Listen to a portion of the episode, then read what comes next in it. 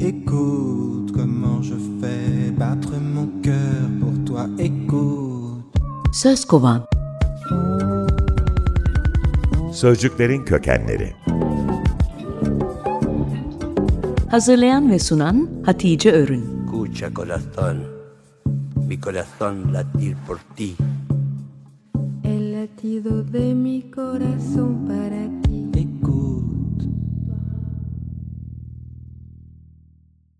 İsim şehir oynuyoruz, sözcükleri kovalıyoruz. Bu hafta U harfindeyiz ve seçtiğim isim Umut. Türkçe'de aynı anlama gelen bir isim daha var. Ümit. Bunlardan biri Türkçe, diğeri Farsça. Kim kimden almış acaba?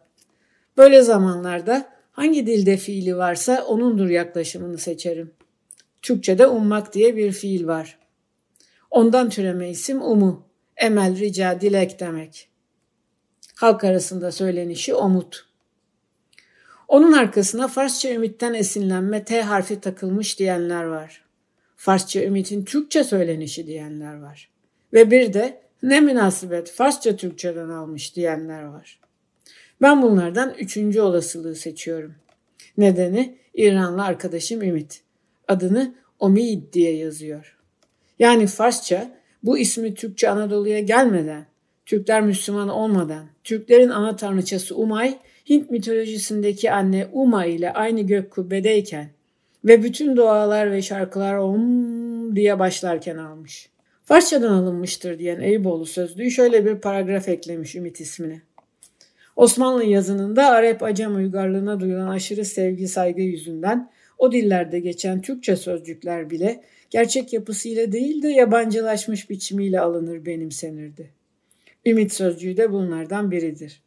Acem şiirine duyulan aşırı özlem, Türkçeden Farsçaya geçen umut, umud, ümmid, ümid gelişiminde olan sözcüğü Anadolu halk ağzında umut biçimiyle değil de Farsça söylenişiyle almayı yeğlemiş. Biraz da Türklerin ana tanrıçası Umay'a bakalım. Türkçe kök Umay, aslen plasenta demek.